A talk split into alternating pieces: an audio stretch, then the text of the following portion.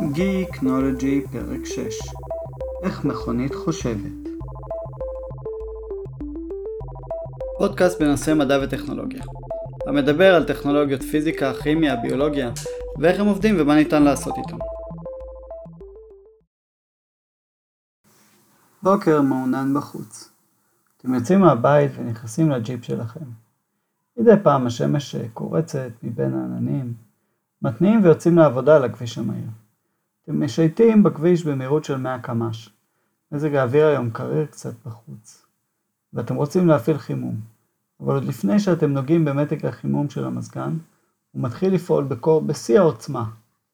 תוך כדי שאתם מנסים להפסיק אותו, הרדיו פתאום עולה לעוצמה מחרישת אוזניים, והתחנות משתנות כל שתי שניות.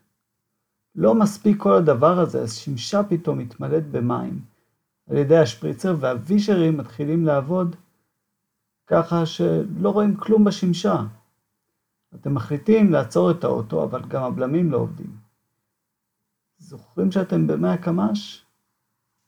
It's not fun to have your two-ton SUV's brakes hacked just as you're parking in front of a ditch. Okay, hold on tight. Hold on.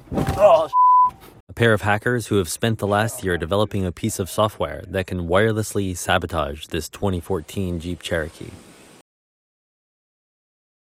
המצב המתואר כאן וגם ההקלטה שהשמעתי אולי נשמע כמו איזה מדע בדיוני ומשוגע.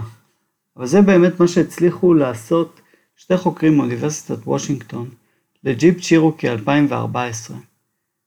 הניסוי הראה כמה שמכוניות פגיעות למתקפות על ידי כל מי שרוצה, וניתן למצוא לינק לכתבה בקישור שהכנסתי לאתר, ואנחנו נסביר גם איך הם עשו את זה בהמשך. אבל בשביל שנוכל להבין יותר טוב מה בדיוק קרה, אנחנו נסביר טיפה על איך מכונית חושבת. כיום הערכות הן שכלי רכב מודרני מכיל לפחות 30 מחשבים שונים, הנקראים ECU, Electronic Control Unit. ברכבי יוקרה הכמות מגיעה גם ל-100 ויותר. כך שלמעשה הם שולטים בצורה מלאה ומאפשרים שליטה על הבלמים, הגז, התאורה, שליטה על הגה כוח, זיהוי ירידת לחץ בצמיגים, מיזוג אוויר ואפילו שליטה על ההגה, וכמו שהבנתם, גם על הבלמים. אז מה כל המחשבים האלה ולמה זה טוב בכלל? המכונית הממונעת או בעלת מנוע בעירה פנימית, כלומר שעובדת על דלק, בכללותה היא ייצור מכני. שסתומים, בוכנות, שמנים, צינורות ועוד. אבל אה, ככל שעברו השנים והיכולות המכניות הבסיסיות מוצאו, נוצר צורך במערכת מורכבת יותר, מדויקת יותר ומהירת שליטה. כאן נכנס עולם הטכנולוגיה ומציע את שירותיו. הרי למערכות בקרה מכניות מגבלה בתנועה ובזמן תגובה. כשזה כולל את זמן ההחלטה של המערכת, זה כבר מתחיל להיות ארוך מאוד. מחשב יכול לעומת זאת לאסוף את המידע, לחשוב ולהגיע לתוצאה הרבה הרבה יותר מהר. מכל מערכת מכנית, ולכן יש לה עדיפות למערכות אלה. את הניצנים הראשונים ניתן לראות ברכבים של ג'נרל מוטורס GM משנות ה-80. אז בעיקר שימשו במערכות בקרה על צינורות הפליטה אקזוז ומערכות שליטה במנוע הרכב. הכל היה בסיסי וראשוני כמעט, בגדר ניסוי, עד שהמערכות היו מספיק בשלות להיכנס לייצור המוני. זה נתן לאורך השנים מזעור את פליטת המזהמים על ידי הרכב, ניצול יותר יעיל של הדלק, להביא לביצועי מנוע טובים יותר, בקרה על שמנים וחומרים כאלה ואחרים במנוע, במקום לגלות פתאום שחסר משהו. וכיום ישנה יכולת אפילו לראות מה קורה מסביב לרכב. מכוניות, שילוט, הולכי רגל ועוד, ולהנהיג את המכונית באופן עצמאי, מה שנקרא המכונית האוטונומית. המחשבים הללו מתחלקים לכמה קטגוריות. מחשבים לשליטה ברמה המכנית מקומית, לדוגמה שליטה בהילוכים, שליטה על יחס אוויר דלק, במנוע. מחשבים ברמה המערכתית של הרכב, כלומר שליטה במהירות הרכב או בקרת סטייה מנתיב, ומחשבים המתפקדים כחיישנים, לדוגמה חיישני גלגלים או חיישני תאורה. אלה לא הקטגוריות הקלאסיות שמוצאים בספרות המקצועית, אבל כמובן שהרבה השתנה ברכבים עם השנים, ולכן כבר קצת פחות רלוונטי. בואו נסביר כל אחת מהקטגוריות האלה, ואולי אני אתחיל דווקא עם האחרונה כי היא הכי פשוטה. ברכב חיישנים מרובים הדואגים לבטיחות הרכב ונוסעיו וגם לסביבתו. ישנם חיישנים ללחץ אוויר בגלגלים, הולכי חלקכם מכירים את הסימן הצהוב שנדלק כאשר אה, הלחץ יורד וצריך לאפס אותו. אגב, לרכיב כזה קוראים TPMS, Tire Pressure Monitoring System, והיא אלחוטית ומדווחת מהגלגל ליחידת בקרה. כמו כן, ישנו חיישן המרגיש מצב של תאונה, ומראה על ניפוח קריות האוויר במצב של תאונה.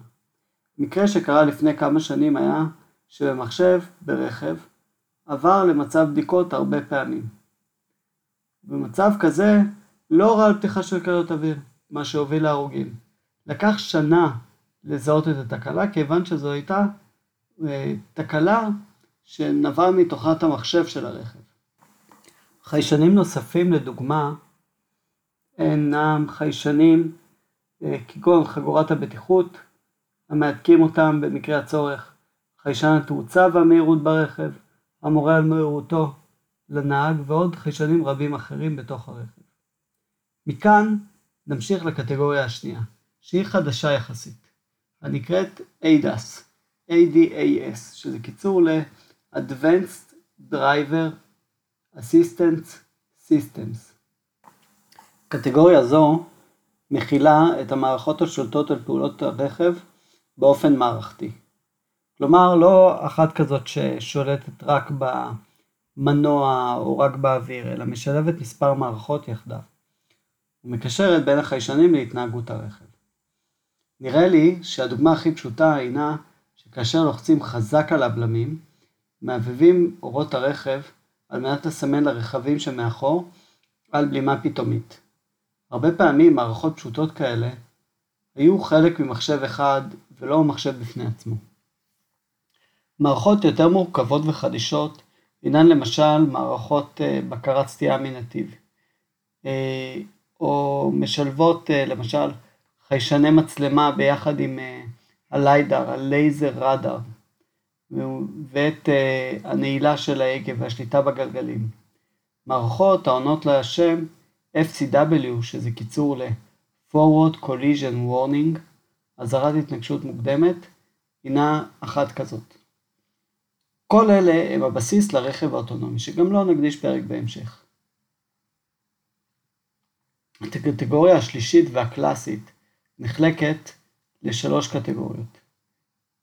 TCM, Transmission Control Module, כלומר מערכת השליטה על ההילוכים, SCM, Suspension Control Module, המערכת האחראית על שיכוך הרכב, ECM, Engine Control Module, מערכת האחראית על השליטה במנוע, ו-BCM, Body Control Module, האחראית על החשמל ברכב.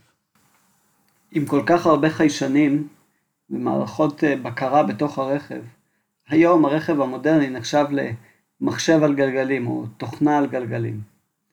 סתם לצורך השוואה, כמה הרכב של היום הוא תוכנה.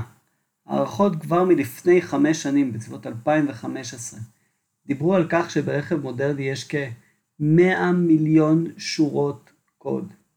וכנראה שנכון לזמן ההקלטה של הפודקאסט יש הרבה יותר. כבר ראיתי גם 150 מיליון שורות קוד וגם 200 מיליון שורות קוד. אבל זה אולי נשמע אה, לא כל כך הרבה, רק שתבינו שבמטוס בואינג 787, אה, כמו הדרימליינר, בעצם המטוס החדש של בואינג והגדול, יש כ-14 מיליון שורות קוד, ואתם מסוגלים להבין מתוך זה את רמת המורכבות והסרבול שיש לרכב כזה שנקרא באמת תוכנה על גלגלים. אז איך בעצם כל התזמורת הזאת של כל המחשבים האלה, כל החיישנים האלה, עובדת לכדי מערכת אה, משומנת היטב, כמו איזה רובוט מאוד מוצלח. אז המחשבים הללו מתקשרים אחד עם השני ואוספים מידע, והמידע עובר בין אותם מחשבים. אז נתחיל באמת מרשת התקשורת הפנימית של, המחשב, של הרכב. כבלי התקשורת במכונית רגילה יכולים להגיע למשקל של 60 קילו ויותר. בשנת 2007 חובה בכלי הרכב לתת יציאת דיאגנוסטיקה המאפשרת לקבל מידע כללי בפרוטוקול רכב מוכר וידוע המכונה OBD2, On-Board Diagnostics. 2 כי זה כמובן דור חדש של uh, אותו פרוטוקול. התקשורת ברכב צריכה להתבצע בסביבה מאתגרת במיוחד. חום גבוה של המנוע, הרבה רעש אלקטרומגנטי, כל מיני פיצוצים שיוצרים עוד רעשים. ולכן התקשורת הזאת צריכה להיות אמינה ויציבה. עד היום השתמשו בטכנולוגיות מיוחדות לעולם הרכב, כשהראשית ביניהם נקראת CAN, שזה קיצור ל-Controller Area Network. תקשורת כזו היא איטית יחסית, כלומר עד 2 מגביט לשנייה ובדרך כלל בקצבים של בין 33 קילוביט ל-500 קילוביט לשנייה. עוד טכנולוגיה ייעודית נקראת FlexRay, המגיעה לקצבים של עד 10 מגביט לשנייה, והיא חדשה מאוד יחסית. כמובן שברכב קיימות יותר מרשת אחת. בדרך כלל ישנו מחשב, ECU, כן, זוכרים? האחראי על אה, חיבור בין הרשתות השונות.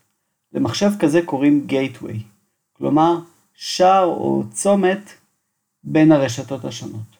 הוא מחליט מה עובר בין רשתות ומה לא, מחליט באיזה קצבים, ולמה? כדי בעצם למנוע עומס על הרשתות השונות. כמו כן, כדי להעביר, למנוע מעבר של הודעות לא רלוונטיות על גבי רשת אחרת. כלומר, הרבה פעמים נוצר אה, צורך אה, להעביר הודעה מצד אחד לצד אחר, ולא רוצים להעביר הודעה שהיא לא רלוונטית לאותה רשת. כי זה יוצר רעש, זה יוצר בלאגן, ומעדיפים שלא לעשות את זה.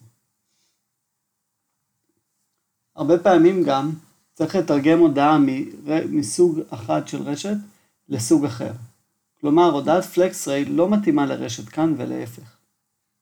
הסיבה העיקרית והקריטית מתייחסת לעובדה שיש מספר רשתות שרוצים לשמור על אזורי שליטה בתוך הרכב.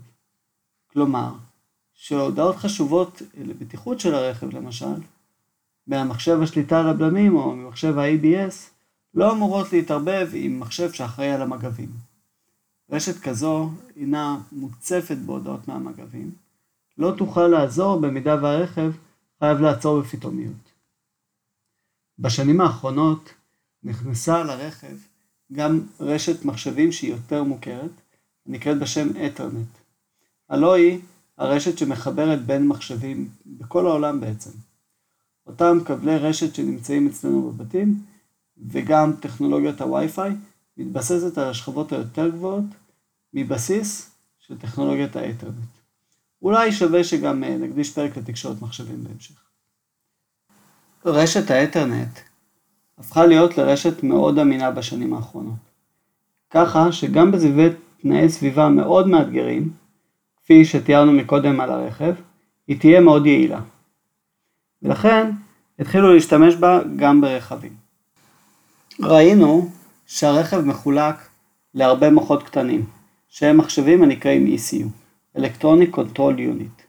מחשבים אלה אחראים על פעולות שונות ברכב, ממד הדלק ועד לראייה ממוחשבת וקבלת החלטות על כיוון הנסיעה והמהירות, כמו גם מערכות בטיחות. כל אלה מתקשרים יחד ברשתות תקשורת שונות ומיוחדות כמו כאן, אתרנט, פלקסריי ועוד. אז איך כל זה בעצם מוביל למה שהצליחו החוקרים צ'ארלי מיזר וקריס ולסק לגרום לרכב להשתגע ולעשות כדברם. הכל התחיל במערכת המולטימדיה של הרכב, שהיה מחובר לאינטרנט מצד אחד ולרשתות הרכב מצד שני. מערכת המולטימדיה הזאת השאירה כמה פרצות, שניתן היה להתחבר בעזרתן ולהריץ אה, בתוכה פקודות כמו דוס במחשב שולחני. זה בעצם נקרא שטח תקיפה או Attack Surface בעגה המקצועית. ממנו יכלו להתחיל החוקרים לבצע את הפריצה. בכל מערכת כלשהי, תמיד יש לחפש את נקודות החולשה. כנראה שזו שנשארת לא מובטחת, תאפשר להתחיל לבצע פעולות זדוניות. כעת שיש גישה לתוך המערכת, התחילו החוקרים לגשש ולחפש ולראות מה ניתן לאסוף מהמערכת.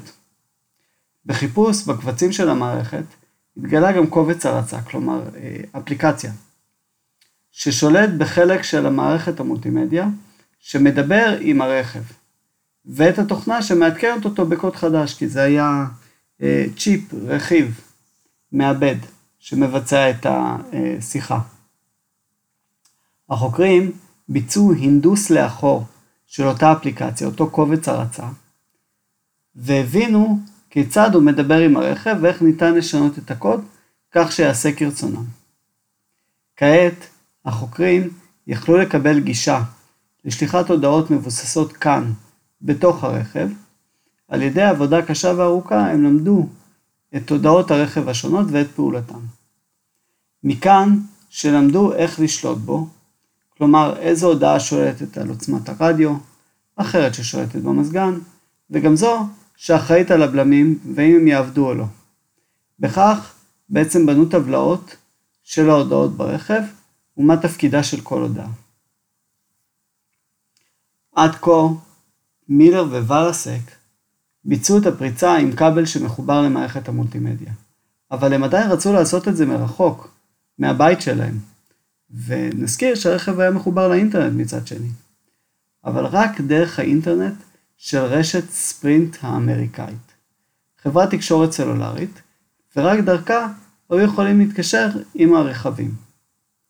בשביל שגם הם יוכלו, הם קנו אנטרנה סלולרית של רשת ספרינט באי-ביי, וכך גם הם יכלו לדבר ברשת. הם כתבו קוד המאפשר להם לחפש בתוך הרשת של רשת ספרינט את רכבי הג'יפ, וידעו לאסוף פרטים על הרכבים. ברגע שמצאו רכב קורבן, דרך הפרצה הם העבירו את התוכנה הזדונית, המאזינה להוראות שלהם, ובעזרת למידה של רשת הרכב הם כתבו קוד חדש, שיאפשר להם לשלוח הודעות זדוניות לתוך הרכב שיפגעו בפעולתו התקינה של הרכב. משימוש המזגן והווישרים ועד לביטול הבלמים ושליטה על ההגה. עד כאן להפעם. גילוי נאות, אני בתחום טכנולוגיות התוכנה ברכב כשמונה שנים, בהן התעסקתי בסייבר למכוניות, כמו גם בטכנולוגיות פנים רכביות, ארכיטקטורות רשת, רשת ברכב ועוד דברים אחרים. איך תוכנה עובדת במחשבי הרכב, מערכות הפעלה במחשבי הרכב ועוד ועוד. מקווה שנהנתם. עד כאן לפעם הבאה, ביי ביי.